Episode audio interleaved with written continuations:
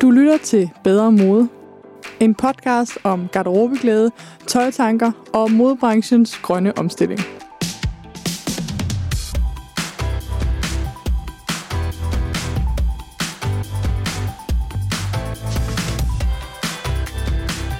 Dagens episode er sponsoreret af Forbrugerrådet Tænk. I dag skal vi snakke om, hvad der sker, når vi køber tøj.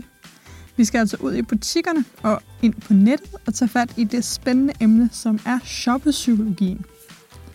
Mit mål er ikke at få dig til at holde op med at shoppe. Som du kan høre, elsker både Elsa og jeg at se på tøj, og det kommer ikke til at ændre sig. Her i podcasten er der plads til tekstillykke, garderobeglæde og tøjbegejstring. Men vi shopper for meget her i Vesten, og især i Norden. Meget mere end hvad planeten kan holde til. Og det vil vi gerne snakke om og gøre noget ved.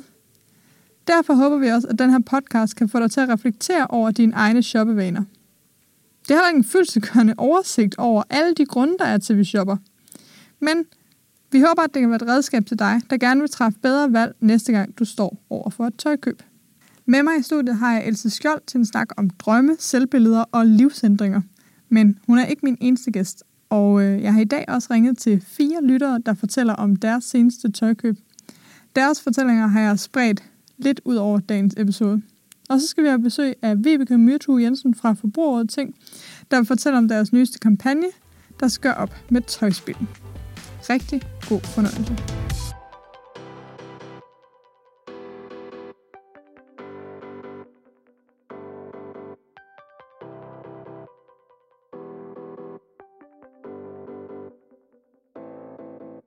Velkommen tilbage til podcasten. Med mig i studiet i dag, der har jeg igen den fantastiske garderobeforsker og vidende kvinde, Else Skjold. Og øh, jeg ved, at vi skal snakke om en af dine yndlingsemner i dag, Else. Det er jo det. Vi skal endelig ud og shoppe. Ja, det, det er mig. Den store party shopper. Ja. ja, men det er jo øh, meget sigende, at vi har prøvet at lave rigtig, rigtig mange episoder og interviews, som ikke skulle handle om shopping, men vi er altid vendt tilbage til, at købstidspunktet jo har øh, ret meget at sige i det her med øh, bæredygtigheden, og også vores forhold til tøjet. Selvfølgelig. Så hvad ved du om, om det her med kvinder og shopping?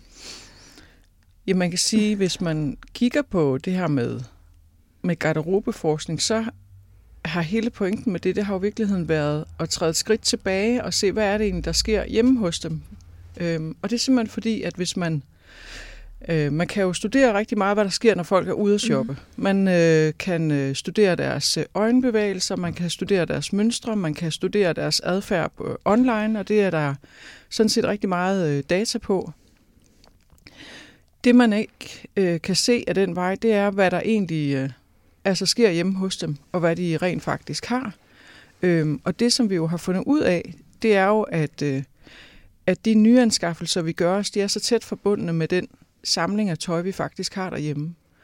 Og den kan du kun få viden om ved at være hjemme hos folk. Mm. Øhm, og det øh, er primært fordi, at øh, tøj er så forbundet med fantasi og drømme. Øh, ikke kun for øh, modeinteresserede kvinder, men for, for alle mennesker. Øhm, og det vil sige, at hvis nu at øh, jeg interviewede dig her nu, så vil du jo også fortælle rigtig meget om de drømme. Ja. Øh, og særligt vil du nok fortælle om de drømme, du går rundt og har lige nu, og mhm. fantasier, mm. du har lige nu, som ligesom vil anspore dig til din næste køb. Ja. Men jeg kan lære noget om, hvorfor du er der, hvor du er, ja. ved at gå hjem til dig. Fordi der kan jeg se din historie. Øhm, og det, som der er bemærkelsesværdigt, kan man sige, i den her garderobeforskning, det er jo, at man, øhm, altså man kan se, at langt de fleste mennesker, de køber sådan set øh, ikke fordi, at der er et eller andet altså en trend eller noget nyt. De køber for at finde noget, der, der passer til deres gamle, men ligesom er en ny version af det samme. Ja. Typisk. Altså i hvert fald, øh, når du kommer over sådan teenageårene, hvor du afprøver identitet, ikke? så kommer nyanskaffelser typisk, når der er forandringer i vores liv. Mm. Hvad, det, hvad kan det være? Altså, jeg kan give nogle eksempler. Altså, jeg har arbejdet rigtig meget med det, der hedder den, altså jeg kalder det den biografiske garderobe. Altså, man ja. lægger simpelthen folks tøj i en tidslinje. Og der kan man øh, visuelt se, hov, øh, deromkring, deromkring, deromkring, der er simpelthen sket nogle skift. Ja. og det handler om primært om livsforandringer. Mm. Øhm, og de sker jo selvfølgelig rigtig meget, når man er ung, men det sker jo også, når vi er voksne, hvis vi øh, skifter partner, eller flytter, eller skifter job, eller, ja. eller vores øh, krop forandrer os meget drastisk. Altså folk, der har tabt sig meget hurtigt, eller har taget meget, meget hurtigt på. Mm. Øhm, eller der er nogle nye praktiske forhold, øh, der gør sig gældende. Så prøver vi ligesom af, når man mit nye øh, kæreste med med, med masse tøj. Hvad, hvad, hvad er det så? Ja. Altså, han kan godt lide mig sådan og sådan og sådan, og det bliver vi påvirket af. Ja. Altså, selvom vi jo gerne også vil være os selv. Så, så der er øh, simpelthen nogle, øh, nogle ting der, hvor man helt konkret kan se, at, at øh, når vi er ude og skal afprøve sådan noget ny identitet, mm. jamen så, så, så går vi ud og, og lider efter noget. Og så er det klart, at øh, nogen går så meget tit ud og lider efter noget, fordi det også er blevet sådan en slags øh, hygge ja. og noget vane, og det er hyggeligt at gå og... Altså, jeg kigger jo også selv sindssygt meget på tøj, når man godt kan lide tøj. Mm. Øhm, så, så når man så snakker bæredygtighed, så kan vi jo prøve at snakke om, jamen, hvad er det så, øh, man måske kan overveje lidt i de, altså i de øjeblikke, mm. hvor man er ude.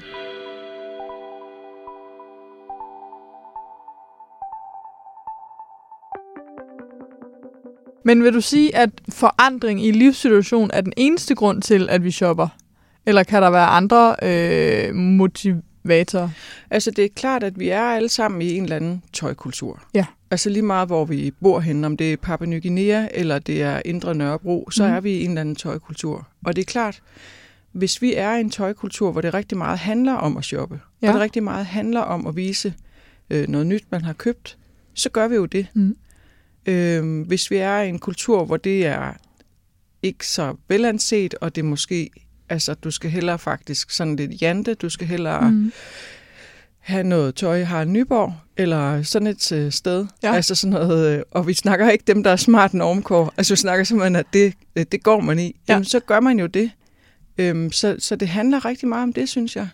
At det, vi, bliver, vi har jo alle sammen, vi er jo alle sammen et sted i tid og rum. Mm. Øhm, øh, socialt og på alle mulige måder og kulturelt, og det, det pejler vi jo efter. Mm. Og, det, øh, og det er klart, det farver, hvor tit vi shopper, og hvad vi shopper, og hvor vi orienterer os. Og, altså, nogen har måske bare øh, hos Inge-Lise øh, en eller anden øh, butik i Jylland, hvor at der er en øh, dame, der er super, super god til at se, hvad, øh, hvad har du brug for. Øhm, og der er nogen, de øh, sidder hver eneste aften og kigger online.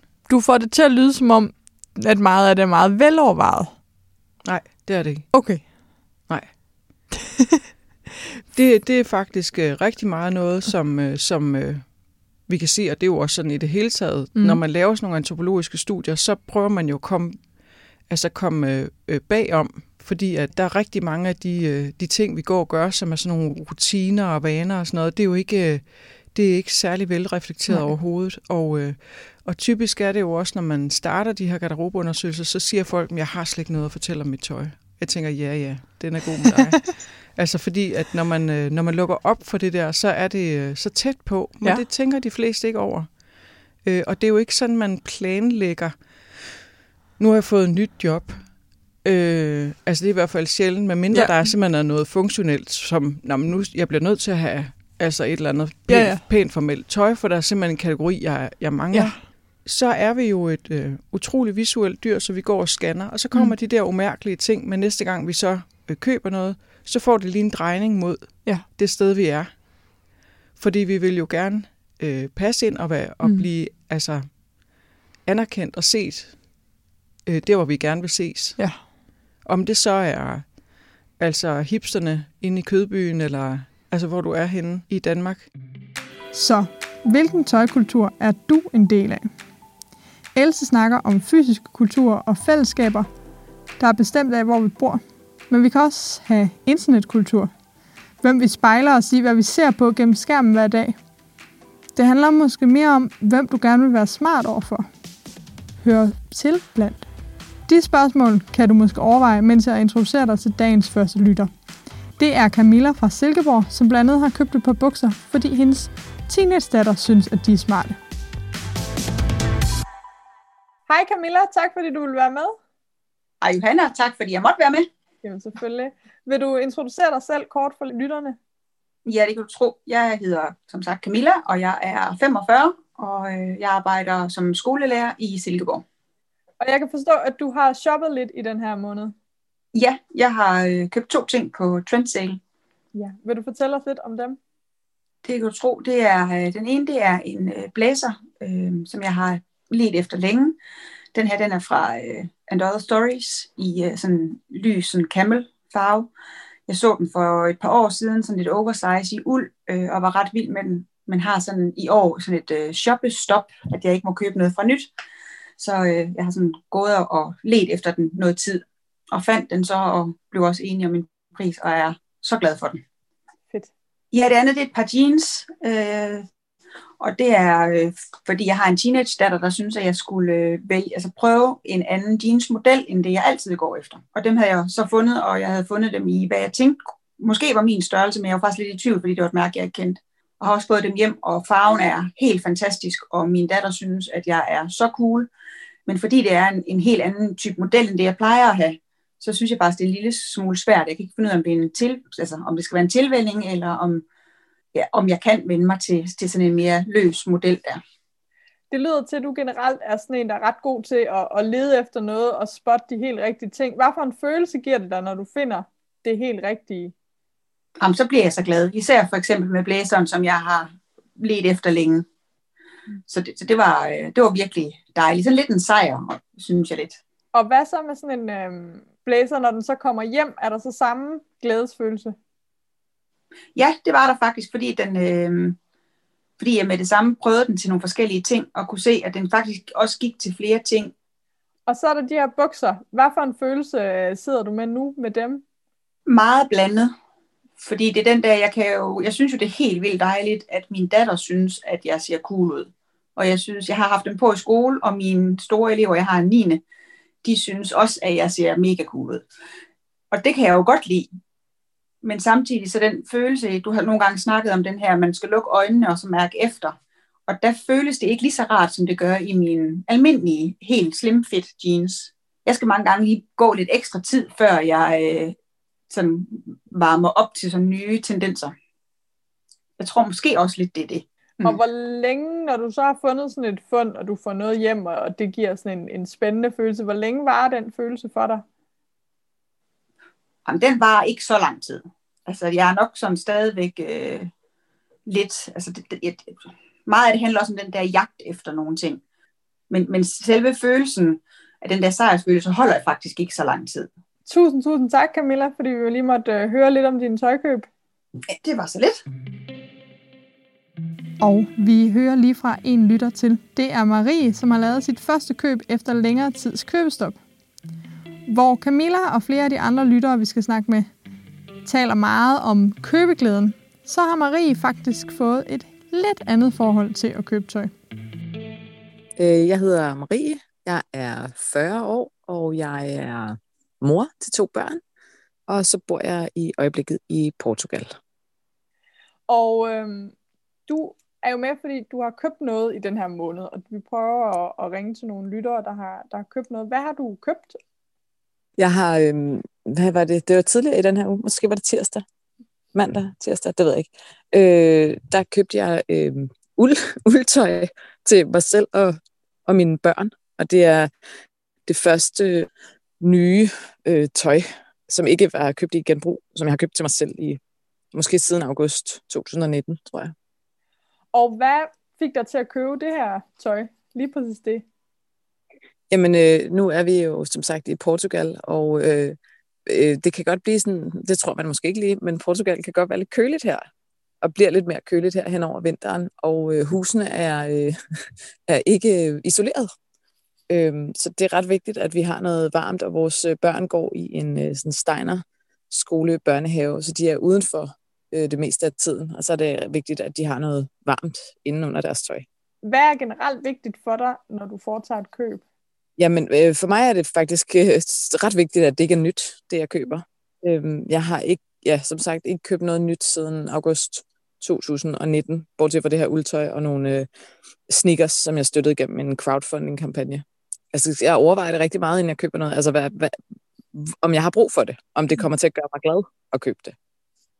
Jeg opdagede for, på et eller andet gang i løbet af sidste år, at nyt, altså at have nye ting i mit klædeskab, gjorde mig egentlig mere ked af det, end det gjorde mig glad. Og så stoppede jeg med at købe nye ting. Spændende. Og hvad, hvad giver det så, der så for en følelse, når du får brugte ting ind i køles- køleskabet, klædeskabet? ja, jeg putter som regel i mit klædeskab. det, øh, jamen altså, det, øh, altså i det hele taget køber jeg ikke særlig meget til mig selv, fordi, fordi det gør mig egentlig glad mere at købe ting. Øh, det har det gjort i mange år, øh, men, men jeg får ikke det der sådan kick, som jeg engang gjorde. Øh, så jeg køber ikke særlig meget, men hvis jeg køber noget brugt, så er det, så er det noget, hvor jeg tænker, det kommer jeg til at bruge, det er smukt, det klæder mig godt, det sidder godt, det er behageligt at have på, Øh, og så, så er det sådan en ting, jeg glæder mig over at have i mit klædeskab, som jeg glæder mig over at tage på. Tak fordi du ville dele din, øh, din shopping med os. Det var så lidt.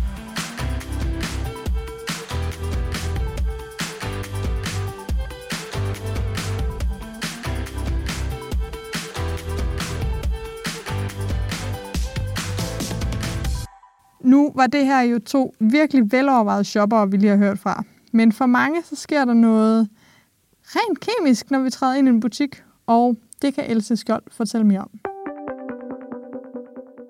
Hvad sker der med os, når vi så øh, er gået ind i en butik eller ind på en webshop, og, øh, og er ligesom blevet, blevet fanget derind?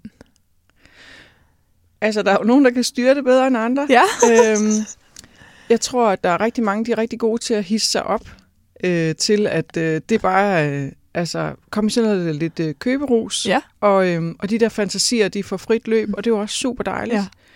Ja. Øh, og man kan sige, nu hvor man har altså online køb, så kan man jo lynhurtigt øh, købe sig en hel masse ting, og det er relativt øh, ufarligt, mm. fordi du kan få det, altså selvfølgelig hvis du kan betale lige ja. det, du øh, køber for, men så kan du få det hjem, og du kan sende det tilbage igen, ikke? Der opstår vel også, altså jeg tænker, der også er noget belønnelses i det, at man ligesom... Og man er du noget- sindssyg, man, altså dop- dopaminen, den kører jo rundt Ja. i hele kroppen. Altså man bliver jo helt vildt høj af et køb, ikke? Og så kan man sige, hvad er det så ligesom, altså hvad er der så galt med det? Altså Ja. det lyder jo helt vildt dejligt. Vi vil gerne have mere dopamin. Vi vil gerne have mere dopamin, vi vil gerne være glade, vi vil gerne øh, have tøjglæde. Øh, noget af det, som blandt andet min, øh, min engelske kollega Kate Fletcher har, har nævnt ret tidligt, det er det her med, at når vi har en tøjkultur, der i den grad opfordrer os til at købe rigtig meget, Mm. så bliver vi faktisk stresset i hovedet. Hvordan det? og det, og Dopamin det, er jo godt. øh, ikke nødvendigvis. Okay. Øhm, det, som, øh, det som det er, øh, det som det handler om, det er, hvis du har de her garderober, og du ser mm. på, hvornår vi skifter, så har vi egentlig alle sammen sådan nogle naturlige udskiftninger, og, og sådan ligesom øh, sådan noget tidevandsbølger, der går frem og tilbage øh, i vores liv. Og når du ligesom øh, forser det, så kan du ligesom øh, på en måde glemme at mærke, hvor du er henne. Mm. Og så bliver du, når du øh, ikke kan mærke dig selv, så bliver du jo stresset. Altså Så hvis du har alt for meget nyt tøj, som ikke er blevet en del af din identitet endnu nødvendigvis, Ja, så, så øh, kan du faktisk ikke rigtig følge med. Nej. Kan man, sådan kunne man måske sige det. Øh, der er lavet andre, øh, noget som jeg har været meget optaget af, det er en, øh, en anden bog, øh, som hedder Design of Everyday Life. Øh, der har de skrevet om gør-det-selv-køkkener. Ja. Og det minder jo rigtig meget om, altså vi har nogle drømme om, hvad er det perfekte køkken for Ja. vores familie, og nu skal vi endelig skal vi have renoveret, ikke? Det bliver så godt. Og jeg husker særligt en beskrivelse af sådan en øh, familie, de så har observeret, Mm. som øh, de vil rigtig gerne lave sådan et rigtig hyggeligt øh, familiespisekøkken, hvor nu Ja. skal de bare, det skal være indrettet sådan, de bare sidder hver aften, og de får rigtig snakket igennem øh, om løst og fast, og Ja, har ja. familiekvalitetstid, og, og det er så deres ideal. Faktum er bare, at de faktisk elsker at se tv, mens de spiser. Ja. Og det fortsætter de så ellers med, selvom de har lavet det der køkken. Og det gør dem jo frustrerede, fordi at deres øh, drøm er ret langt fra deres virkelighed. Mm. Øh, og når vores drøm er lidt for langt fra vores virkelighed, så bliver vi faktisk jo kede af det. Ja. Altså ligesom noget af det, vi har talt om tidligere med, hvis jeg rigtig godt kunne tænke mig at ligne en, øh, en øh, lille, klein japaner, så vil jeg jo gå gennem mit liv og være altså konstant helt ja. vildt ked af det. Øh, og det, som de så har, har studeret, det er det der med, at, øh, at hvis man derimod er lidt mere i balance, Mm. Altså med, med den øh, drøm, man har, og den man er. Og det betyder jo ikke, at så er man bare stabil, og så rykker man sig overhovedet Nej. ikke. Altså, men man kan faktisk begynde at mærke, ligesom man kan mærke sult. Altså ligesom folk, der har en spiseforstyrrelse, skal træne. Hvad har jeg egentlig lyst til? Ja. Altså så vil, så vil jeg sammenligne det med det. Og det er der jo nogen, der er rigtig gode til. Mm. Øh, og dem har jeg også mødt i mine egne studier, og det er jo sådan meget... Øh, Og hvad er deres øh, redskaber, dem der er rigtig gode til at have nogle realistiske drømme? altså man kan jo sige, at de har sådan en ret god forståelse af sig selv, også af deres eget altså udseende og hvor de er. Og så vil jeg også sige, at det er nogen, der er meget kredsende. Altså som jo nok godt kan øh, se på helt utrolig meget tøj, og det er der ikke noget galt med, men de øh, køber altså ikke noget, der ikke er godt nok til dem. Og er det folk, der slået sig til tåls eller nøjes? Overhovedet ikke. Nej. Altså ikke dem, hvor jeg har oplevet det som lykkeligt. Nej. Øh, der er det i høj grad nogen, der så ligesom siger, jamen der er de her et eller andet støvler. Mm. De kostede helt vildt meget, og jeg måtte virkelig spare op, og øh, jeg brugt rigtig meget i forhold til, hvad jeg tjener. Ja. Men prøv at høre, det er bare de bedste støvler, Ja. altså nogensinde i hele verden. Ikke? Øhm, og det er jo ikke sikkert, det er os alle sammen, der skal gøre sådan, men der er, nogle, der er nogle ting der, jeg synes er fint, og jeg synes godt, man kan være kredsen, om det så er et loppemarkedsfund til Mm. 25 kroner, eller det er et par støvler til 5.000 Ja. kroner. Så synes jeg, det der med simpelthen at lære at være rigtig, rigtig, rigtig kredsen, det synes jeg simpelthen er en god ting. Ja, vi skal lære at være mere kredsende. Og faktisk mener Elsa og jeg, at kredsenhed er løsningen på vores problem med tøjspil. Og det er vi ikke enige om. Jeg er stolt af at kunne præsentere Vibeke Myrtue Jensen og dagens sponsor, Forbrugerrådet Tænk. Velkommen til, Vibeke. Tak skal du have. I dagens afsnit, der startede jeg med at spørge Else Skjold, hvad ved du om kvinder og shopping? Og jeg kunne godt tænke mig at stille det samme spørgsmål til dig. Så hvad ved du om kvinder og shopping, især tøjshopping? Jamen, jeg ved lidt om det, fordi jeg tilbage i 2014 skrev et speciale omkring tøjspil. Et speciale, der hed Fra forbruger af tøj til bruger af tøj, om hvordan vi kunne opretholde sådan set øh, den samme livsstil og skifte tøjet, men med en mindre miljøbelastning. Så er jeg uddannet miljøplanlægger og har været politisk rådgiver i fem og et halvt år i Forbrugerrådet Tænk, hvor jeg blandt andet arbejder med bæredygtigt forbrug. Og så har vi i øjeblikket i Forbrugerrådet Tænk en kampagne omkring tøjspil. Og det er jo blandt andet også derfor, du er med i dag på grund af jeres kampagne. Men lad os prøve lige at komme tilbage til den senere, og så fortælle lidt om, hvorfor er det, vi overhovedet køber tøj? Ja, altså man kan sige helt oprindeligt tilbage i tiden, i stenalderen, der var det jo for at holde varmen. Øh, og så, øh, så kom det op senere, at vi, der blev status og position forbundet med det her med tøj. Øh, man kan sige, at den måde, vi har forbruger tøj på nu, det er nok nærmere et middel til succes. Det er en kommunikation til omverdenen om, hvem vi er. Det er en fortælling om os selv og hvad vi gerne vil udstråle. Øh, og man kan sige, tøj, moden skifter hele tiden, vi vil gerne følge den. Øh, moden kan spores helt tilbage til middelalderen, hvor det var forbeholdt overklassen, og man skældnede mellem middelklasse og bønder. Øh, det, nu er det allemands eje på en anden måde. Øh, vi har allerede alle sammen mulighed for det. Vi kan handle alle steder, alle tøjbutikker, online på alle tidspunkter af døgnet. Vi har sådan set alle sammen råd til det. Øh, det er billigt nu at handle tøj i forhold til vores indkomst, hvor det tidligere var en meget stor procentdel, og vi kan finde udsalg og lagersalg og outlet hele tiden. Så det er blevet mere og mere tilgængeligt, siger du, og øh, der er ligesom flere grunde til at købe tøj. Men vi køber jo meget mere i dag, end vi nogensinde har gjort nærmest. Har du nogen idé om, hvad, hvad det kan skyldes? Der er i hvert fald tal, der viser, at vi køber 10,2 kilo tøj per år per, per dansker. Og vi har i Danmark et rigtig højt forbrug, særligt også kvinder rent faktisk. Men der er også en høj produktion af tøj. Det er så en anden side af det. Man kan sige, at tidligere der var tøjet håndarbejde. Det var dyrt. Det gik i arv. Vi reparerede det. Det holdt et helt liv. Men siden 1960'erne, der er der kommet den her masseproduktion, hvor det er nemt og det er tilgængeligt for alle. Og jeg tror kombineret med, at, at det er sådan en selvudstråling, øh, eller en selvfortælling om os selv, øh, og det er nemt og tilgængeligt, så gør det, at vi har et højt forbrug. Der kan også være andre grunde. Vi har mange forskellige roller, hvor vi skal bruge meget forskelligt tøj, særligt kvinder her i Danmark. Men jeg tænker, at det er i hvert fald nogle af de grunde, til, at vi har et rigtig højt forbrug. Mm.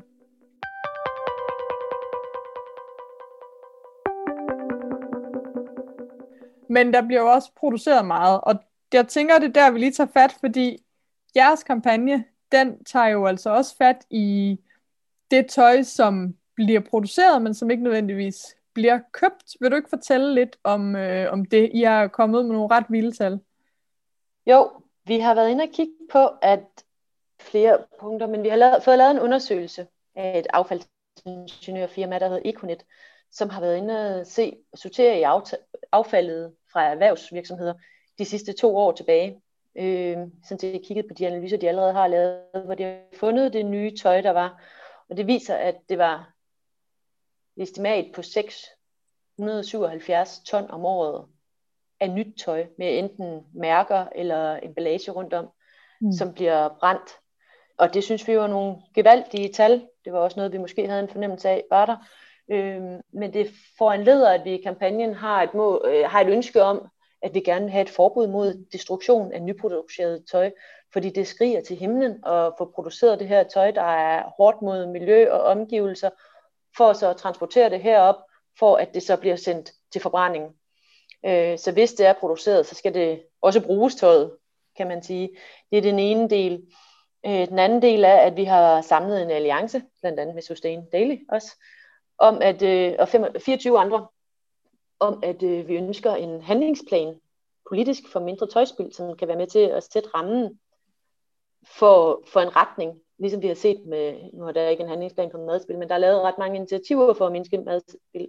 Det vi så også har gjort i den her kampagne, det er, at vi har udviklet en tøjpyramide, som øh, omkring, hvordan vi skal forbruge, eller kan forbruge smartere, vil jeg kalde det. Ikke for stoppe med at forbruge, for det er jo ikke det, vi skal, men vi skal forbruge smartere. Det har vi fået Anders Morgenthaler til at, hen, at lave, og den kan downloades på vores hjemmeside på tænk.dk. Ja, vil du ikke lige prøve at gennemgå den her pyramide, fordi den passer jo rimelig godt ind i, hvordan øh, jeg her i podcasten ligesom prøver at lave en stor bund, som jeg forstår, der hedder brug det, du har.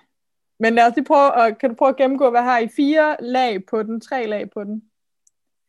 Ja, altså det er i bunden, der har vi et lag, der hedder brug, hvad du har allerede. Øh, det næste lag, det hedder, at man skal vedligeholde sit tøj. Tredje lag, det hedder så, at man skal sørge for, at ens tøj cirkuleres. Og den øverste kasse i den her pyramide, den er så, at du skal sortere dit tøj rigtigt. Så den kan man gå ind og hente, den her ja. tøjpyramide på tænk.dk, og man kan også, når man er derinde på siden, kigge på vores rød-grøn liste, som vi kalder det, hvor det er, at vi har lavet spurgt mm. et bredt udsnit af de danske producenter og forhandlere øh, af tøj i Danmark, om de kan finde på at destruere deres tøj, eller om de vil give et løfte til forbrugerne om det. Hvad er det næste skridt for at sørge for, at, at der ikke bliver afbrændt så meget i fremtiden, når vi ikke har så meget tøjspil? Ja, altså man kan sige, at forbrugere kan gøre noget. Der er jo så det dilemma, at vi siger et, og vi gør noget andet tit, fordi vi har flere interesser på én gang. Den ene er, at vi gerne vil passe på verden, den anden er, at vi gerne vil passe på os selv og have vores hverdag til at fungere. Mm. Øhm, men man kan gå ind og følge os på Instagram eller Facebook, forbruget Tænk, øh, hvor man kan få fakta og tips. Og så kan man selvfølgelig overveje sit eget forbrug, kigge efter sit mm. eget, køb, kun at købe noget yndlingstøj. Øhm, vi mener dog, at der skal strukturelle løsninger til, for at det her det løses. Så det er der, jeg er inde på en handlingsplan, og jeg er inde på ja. et forbud mod destruktion af tøj, for der ligger faktisk rigtig meget at hente på det plan. Vi er nødt til at indrette samfundet, så det bliver nemt for at forbruge smartere. Hvis vi reelt politisk mener, eller hvis vi mener, at det vejen frem er genbrugsbutikker og niche, de her små niche-initiativer, der gør det rigtig godt, mm. jamen hvorfor laver vi så ikke tilskud og afgifter og støtteordninger, så de kan komme ind og ligge på strået, i stedet for at det skal være de helt store fast fashion butikker og man kan gøre meget, man kan kigge på det. Vi opfordrer også i den her handlingsplan til netop, at man går ind og kigger på de her incitamentstrukturer, som det hedder. Øh, fordi der er simpelthen nødt til at gøres noget andet, fordi jeg er sikker på, at forbrugerne følger med, hvis det er, at det bliver nemt praktisk og lige til at handle det, der er bedst for både omgivelserne og en selv. Tusind, tusind tak, Vibeke, for at du vil gøre os lidt klogere på det her emne. Jeg sørger for at linke i show notes og alle de steder til både øh, Tøjspilspyramiden og jeres hjemmeside.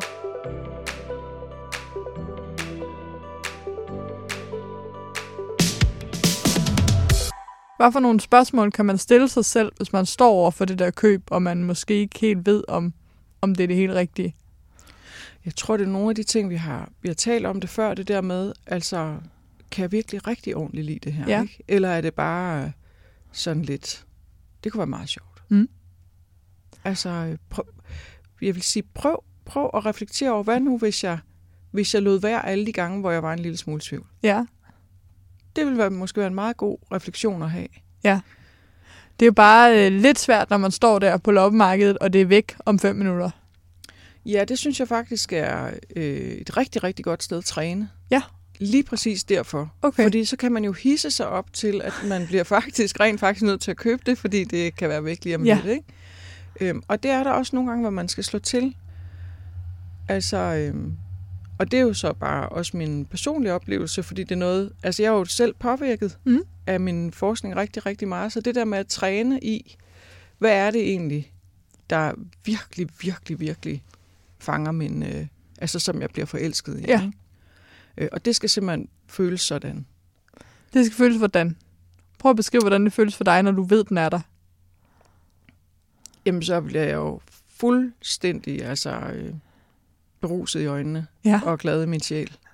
Og jeg altså mærker på noget stof, jeg synes er smukt, og jeg, og jeg, og jeg har også den der med, ah, men den der, det er ligesom lige, øh, du ved, den fantasi, jeg er i lige nu, og Ja. det passer lige til, hvordan jeg lige nu synes, at det ligesom min krop ser ud, eller hvad jeg har lyst til, eller og det kan jo være mange ting, sådan noget.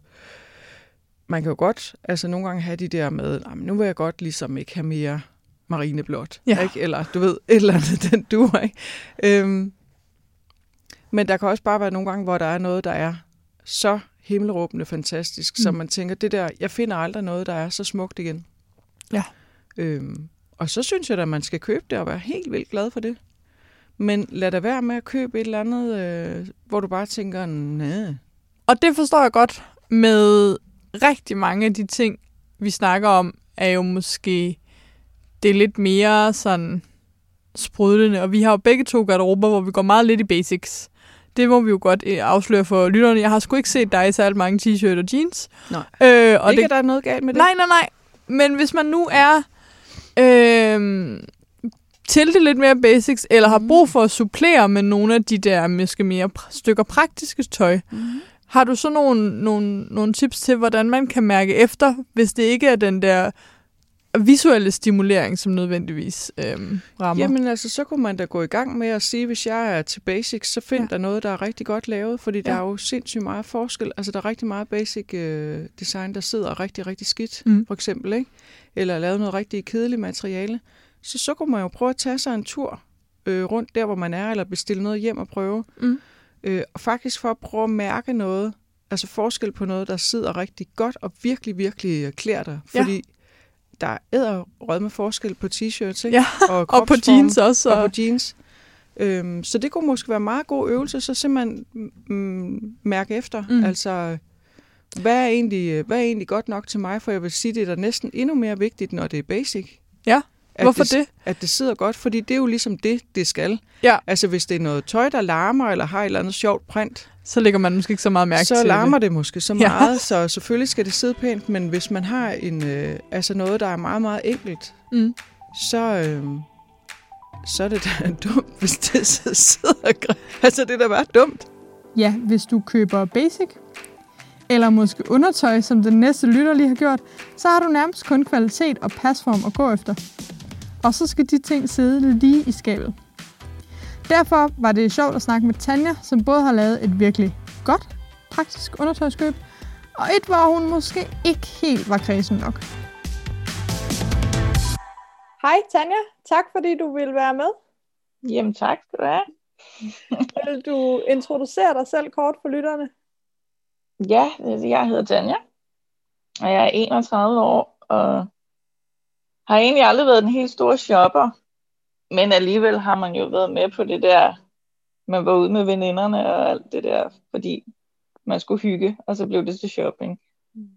Men så er jeg jo begyndt at tænke i bæredygtighed, og hvad jeg egentlig har brug for. Ja. Og så kan det faktisk godt være lidt svært nogle gange. Ja. Men jeg kan forstå, at du har shoppet øh, i, den, i den seneste måned. Vil du øh, fortælle lidt om, hvad du har købt og hvorfor? Ja, altså, jeg har jo jeg har begyndt at slide meget mit tøj op, og så slider man elastikker og alt det der op i sit undertøj, så derfor skulle jeg undertøj. Det er jo ikke det mest spændende at købe.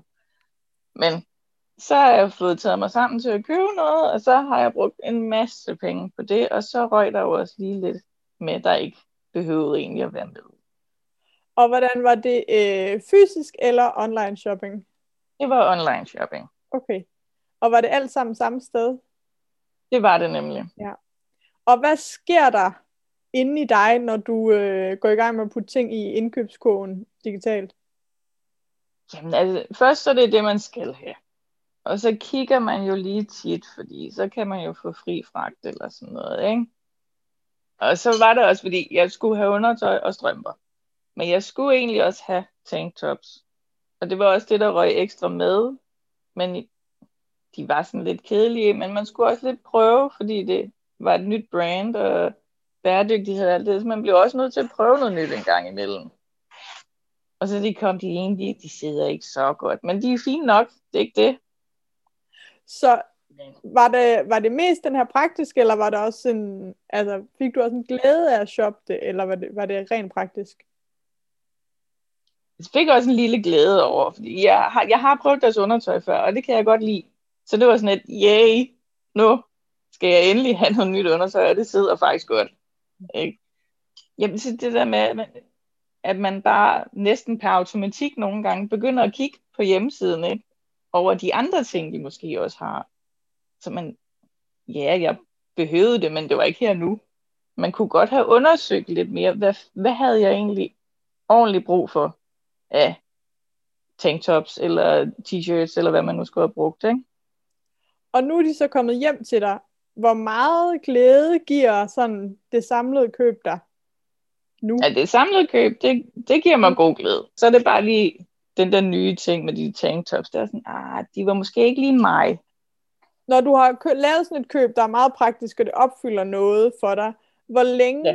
bliver, øh, bliver den glæde over det så ved? Er det mest en glæde at få det købt, eller er der også en, en længere glæde i det?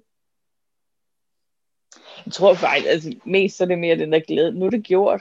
Og, og det var faktisk dejligt og praktisk, fordi det er noget, jeg havde set lidt frem til, at nu skulle der samles penge til det, fordi altså, seks på underhylder på en uge, det er ikke nok, vel?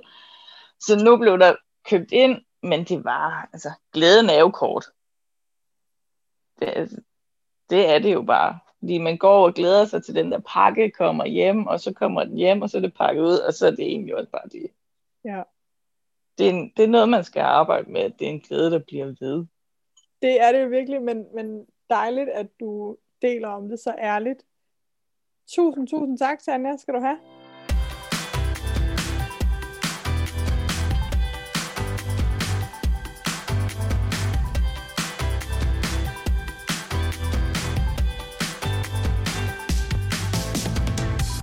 Og vi kan jo se, at der, altså, der bliver jo lavet rigtig, rigtig, rigtig mange af den slags ting. Og jeg er altså godt nok ikke øh, fortaler for, at vi skal lukke nogle øh, virksomheder ned, eller det er overhovedet ikke det, jeg taler for. Men jeg tror faktisk virkelig, vi kunne øh, gøre noget for os selv og virksomhederne, øh, og også på den måde også for miljøet, ved at være, tillade os at være kredsende, fordi der er jo, jeg, der er jo, altså, jeg kender der ikke nogen unge designer, jeg har været med til at uddanne, som gerne vil designe grimt og kedeligt tøj. Nej. Altså, overhovedet. Og det er jo også derfor, altså, når jeg netop sidder på en, en designskole, at øh, så synes jeg jo, at øh, alle de her snakke om, om øh, materialer, certificeringer, jeg er godt klar over, det er slet ikke for at forklare det. Jeg synes, det er sindssygt vigtigt, materialeinnovation. Mm. Det er sindssygt vigtigt at, øh, at upcycle fibre øh, til ved at tage dem fra hinanden. Alt muligt, det er sindssygt vigtigt. Men prøv at høre, hvis det, altså, vi køber jo ikke tøj, fordi det lader noget stærkt stof, vel? Altså, jeg går jo ikke ud, og så tænker jeg, ej, noget lækkert stærkt stof, det må jeg simpelthen bare ej. Vi køber noget, fordi mm. vi forelsker os. Altså punktum. Og det kræver jo, at det er designet godt til mig, og den Ja. person, jeg er, der hvor jeg er. Men der kan jo godt være nogen, for hvem stærk stof betyder mere, fordi der måske en del af forelskelsen er Ja. øh, langtidsholdbarhed, eller at man øh, slider meget, øh, eller så videre. Man har en meget aktiv Nå, men der er, livsstil. ingen, altså, der er jo ingen tvivl om, at altså, hvis vi kigger lidt tilbage, så var der jo kun mm. stærkt stof. Ja. Øh, altså, eller mere eller mindre, jo, der var, der var opkrasset materialer mm. også, som man kaldte det, som er det vi i dag øh, har tekstilmøller ja. og til Og så var der til. jo fint stof, altså som var ikke var stærkt, stof. men som stadigvæk var kvalitet. Præcis. Men noget af det, vi kan se, det er jo, der er jo blandet, øh, jeg tror, det er 60 procent mere polyester i vores øh, tøj. Og det er jo for at gøre det billigt. Ja. Og det gør, at det holder dårligere, selvom man siger, at plastik gør det stærkt. Mm. Men det er ikke det samme som, at det holder sig pænt i brug. Nej. Øh, og hvis man kigger på dem, der konserverer materialer, eller dem, der sidder ude og forsker i tekstiler gennem 50.000 år, som, som øh, professor Marie-Louise Nosch, der mm. også har været med her, jamen så kan man jo se, at der er nogle materialer, men de kan jo holde i 600 år. Ja. Der er jo ikke polyester i. Vel? Men, men vi har, Altså- altså, polyester er heller ikke 600 år gammel, så på den måde, så Nej. har vi ikke, altså vi har ikke det er bevis. unfair. Det er unfair, ja. Men, men der er stadigvæk et eller andet med, selv på et meget kort tidsspand, Mm. så er der jo noget med, hvordan ting de øh, holder sig i Ja. brug. Og der er altså noget med, at der er nogle naturfibre, der bare performer rigtig godt, ja. og dermed ikke sagt, at der ikke kan være andre, der performer godt. Og det er klart, hvis tøj skal være langtidsholdbart og bruges rigtig Mm. længe, nå, men så kan det jo ikke nytte noget, det er noget stof, der går i stykker, selvfølgelig. Men hvis der ikke er nogen, der gider at bruge det, mm. så er det jo ligesom lige meget, at det lader stærkt stof, for så ender det stadigvæk Mm. mm. i forbrænding eller på lossepladsen. I At det, vi det- snakker om nu, kan det måske give mening, at man sådan rent materialemæssigt også øh, tænker på, hvad man godt kan lide, og hvad der føles rart. Ja. Altså, fordi det er vi ikke snakket så meget om i garderobe. Nej. Og jeg ved Øh, godt, det lyder meget, meget øh, uvidenskabeligt øh, på den måde, vi taler om det lige nu, og jeg, altså, jeg er jo forsker. Ja. Øhm, men jeg må, jeg må stadigvæk holde fast i, at, øh, at det her med, om det, er, om det er et godt design, det er jo, når vi taler om de her, jeg har været inde på det før, når vi taler om det her såkaldt tidsløse design, eller klassiske design, så er det jo ikke øh, design, der er lavet for at- at være tidsløst. Nej. Fordi det, det kan man ikke, men det er ekstremt godt designet. Mm. Altså det har simpelthen været en dygtig designer, der har fået lov til at lave Ja. noget rigtig flot. Og det er jo også de ting, når vi så går ud på loppemarkederne, så er det jo også de ting, der bibeholder mm. en høj værdi. Fordi de simpelthen stadigvæk kan få os til at blive forelsket. Og jeg har øh, virkelig brug for at sige, at det kan lige så vel være øh, en dygtig teknisk designer, som kan lave øh, jeans, der passer 16 forskellige kvinder, eller en Ja. Friluftdesigner, der kan lave Ja. det, der holder dig varm i uendeligheder, eller det kan være den øh, draperingsmester, som kan lave den fantastiske puffskjorte. Og man kan sige, når jeg siger godt design, så handler det jo også rigtig, rigtig meget om godt design for hvem. Ja.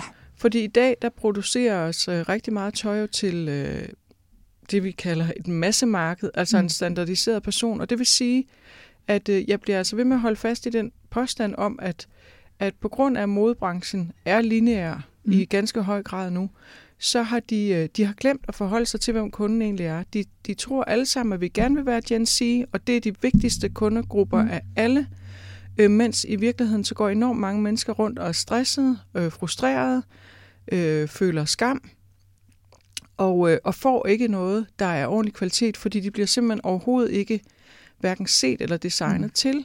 Øh, og der er kæmpe markeder derude, som rigtig mange designer jo kunne øh, tjene masser af penge på, Det må man sige. ved simpelthen at prøve at forstå, hvad er det, der giver os værdi, når vi tager tøj på.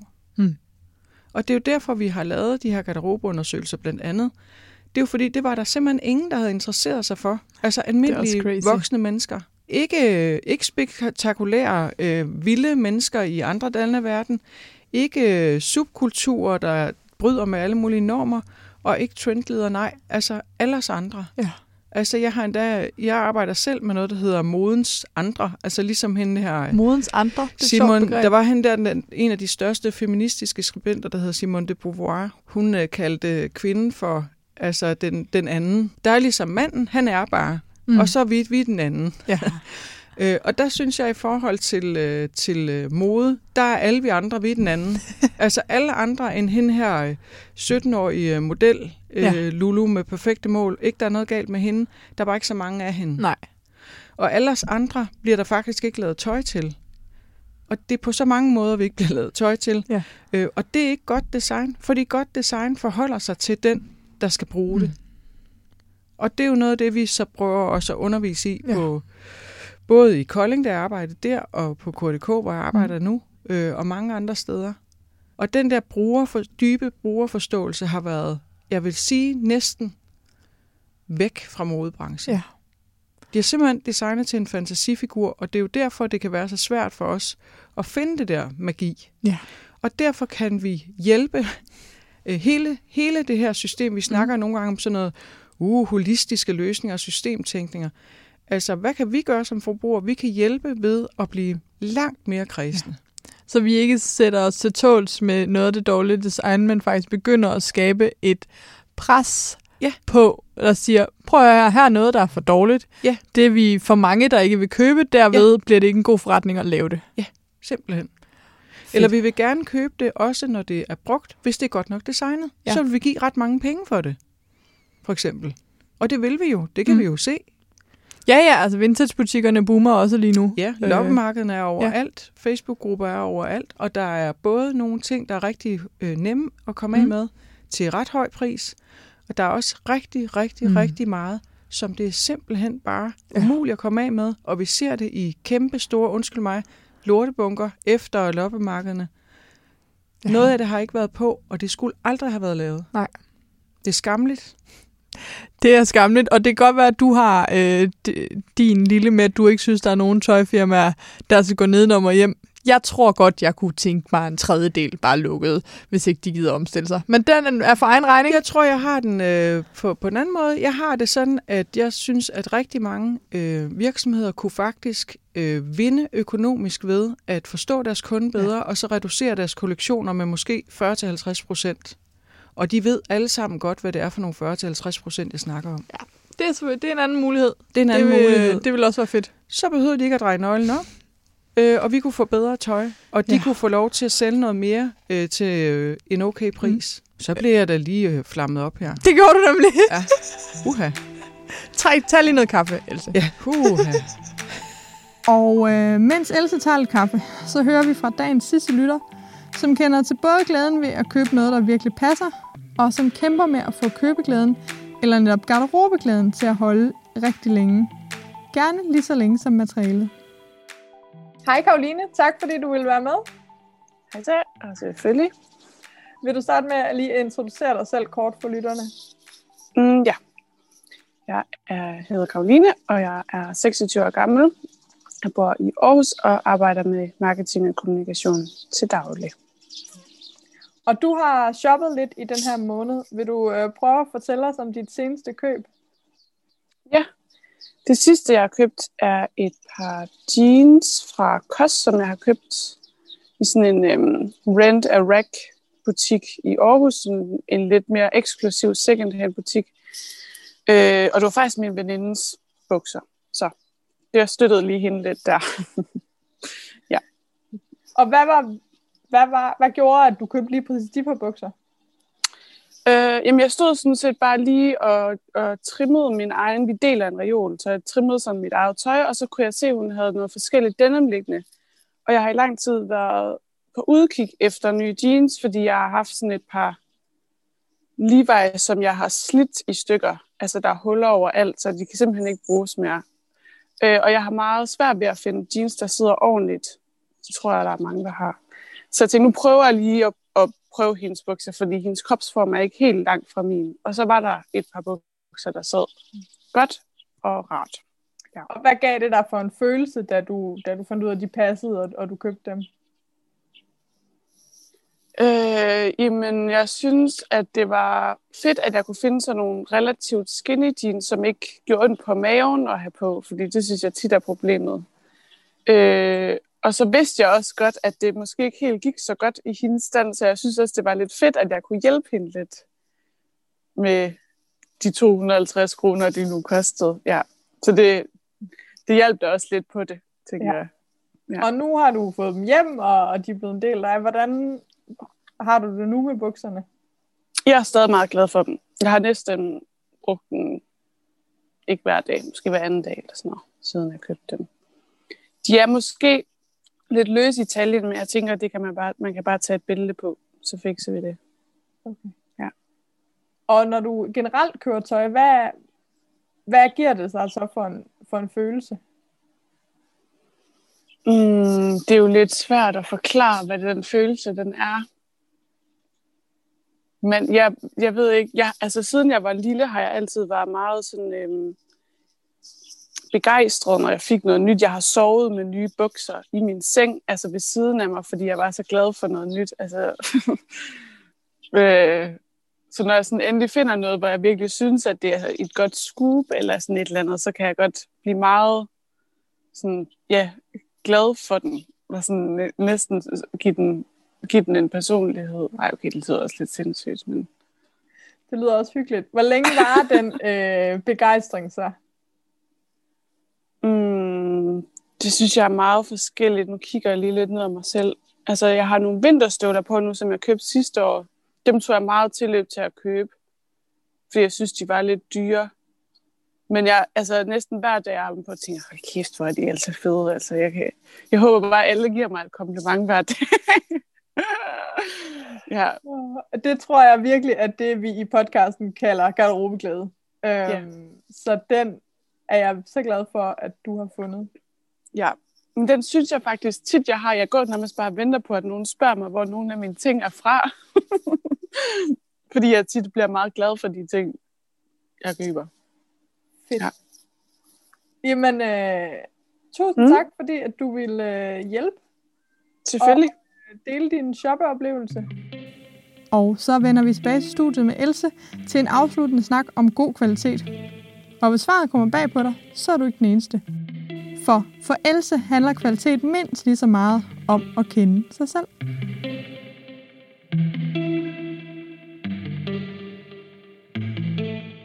Jeg kan godt snakke til sidst om, selvom at en af dine kæpheste jo også er det her med, at stærkt materiale ikke nødvendigvis giver stærkt design. Men hvordan spotter du god kvalitet yeah. ude i butikkerne? Hvad gør du selv? Fordi det kan godt være, at du er visuelt forelsket i det, men jeg ved jo også, at du også har en næse for noget, der holder. Øh, Jeg har været i øh, årlang træning, kan Ja. man sige. Meget farvet af min egen forskning og min kollegers forskning i de her ting, vi sidder og snakker om. Øhm, så, så, øhm, så mit parameter og noget, som jeg øh, gør rigtig meget mm. i det hele taget, det er det her med, at jeg prøver at lukke af for ting, der, øhm, der larmer eller forurener mit hoved. Så prøver jeg at fokusere på, hvad er egentlig rigtig, rigtig vigtigt for mig. Og det gør jeg prøver at gøre på mange niveauer. Mhm. Øhm, og, og der, der er tøj jo Øh, jeg synes jo også, der skulle være stressbehandling øh, gennem tøj. Ja. Øh, det er jo helt centralt for vores krop og vores sind. Øh, så noget af det, jeg, jeg træner, det er faktisk at mærke mig selv.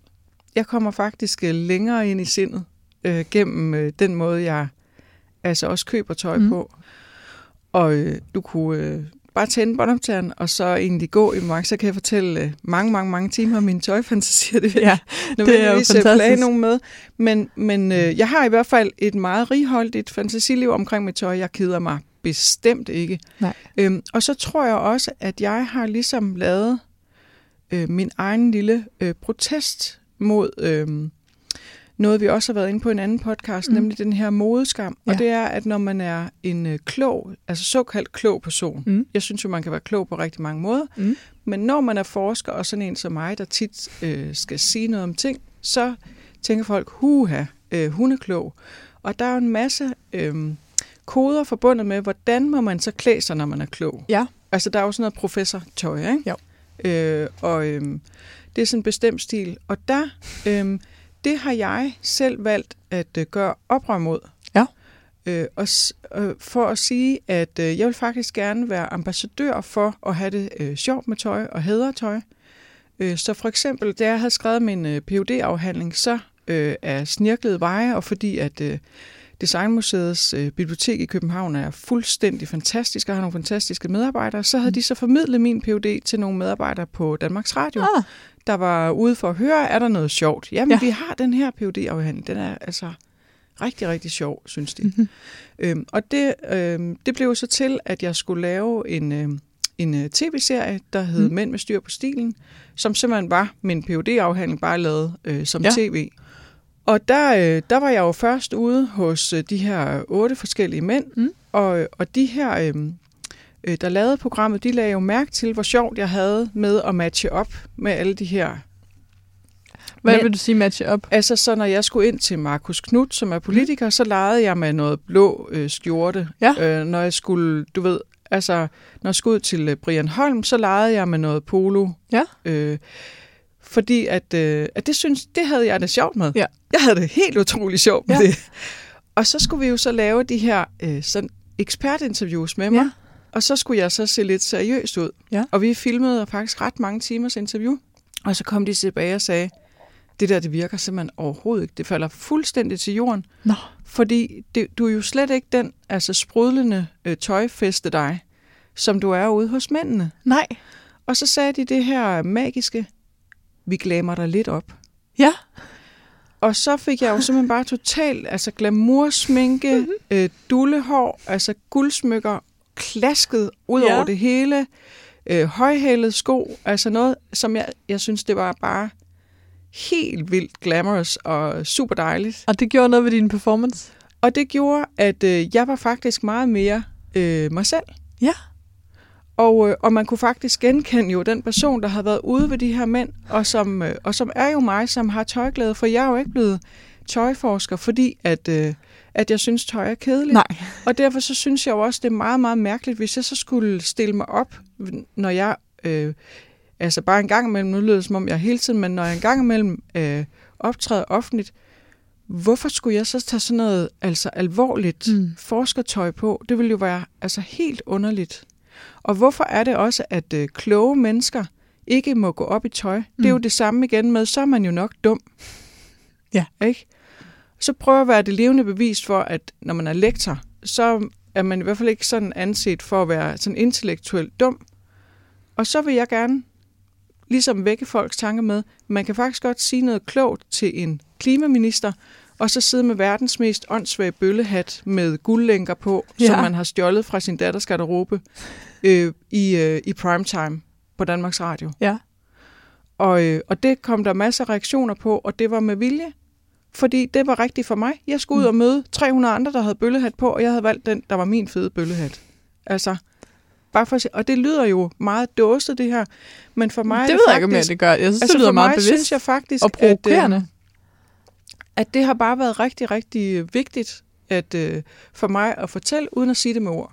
Man Så bare vise det. Vis, hvem du er. Vise, hvem jeg er, og vise, at, øh, at man kan altså godt være en, øh, en såkaldt mm. altså intellektuel eller forskertype, øhm, og stadigvæk faktisk synes, at det er vigtigt. Mm. Og jeg repræsenterer jo øh, designforskning og designskoler med nogle mennesker, der er så åndssvagt dygtige. Mm. Altså, så de kan lægge sådan tre tændstikker, og så ser det bare hammer godt ud. Og jeg kan lægge dem, og så er det sådan... det, så ligger der tre tændstikker, ikke Ja. også? Altså, de kan lave nogle ting, som er så åndssvagt smukke, og det, og det er jeg, der er ambassadør for. Ja. Og det vil jeg da hedre. Jeg vil da ikke fortælle dem, at det, øh, det er latterligt, så nu Nej. sidder jeg sådan og skal spille øh, klog, eller... Så du skal også repræsentere det Ja. bagland, du kommer af. Ja, det prøver jeg da i ganske ja. høj grad. Fedt. Øh, jeg prøver også, når jeg så er ude og, og kigger på tøj, hvilket jeg gør. Altså, jeg holder mange møder, hvor vi Ja. kigger på tøj. Det, jeg Nå. tænker bedre. Okay. Øh, jeg spørger tit øh, nogle kolleger, skal vi ikke bare øh, gå i genbrugsbutikker, og så taler vi om øh, et eller andet helt Ja. vildt nørdet øh, forskning, imens vi øh, flipper bøjler. Det må vi prøve Fordi jeg arbejder jo med andre, der også forsker i tøj. Ja. Så, så det er ligesom sådan en glæde, og det er, Ja. da, det er da meget sjældent, vi køber noget. Men, øh, men når den så er der, så, øh, ja, så har vi jo for det første endnu mere at snakke om. Ja. Men, øh, men jeg prøver bare at træne i det der med, jamen jeg kan da godt øh, kigge på det, men øh, det er li- ligesom bare en del af mit sprog. Ja. Så derfor så træner jeg i, at øh, den skal være der.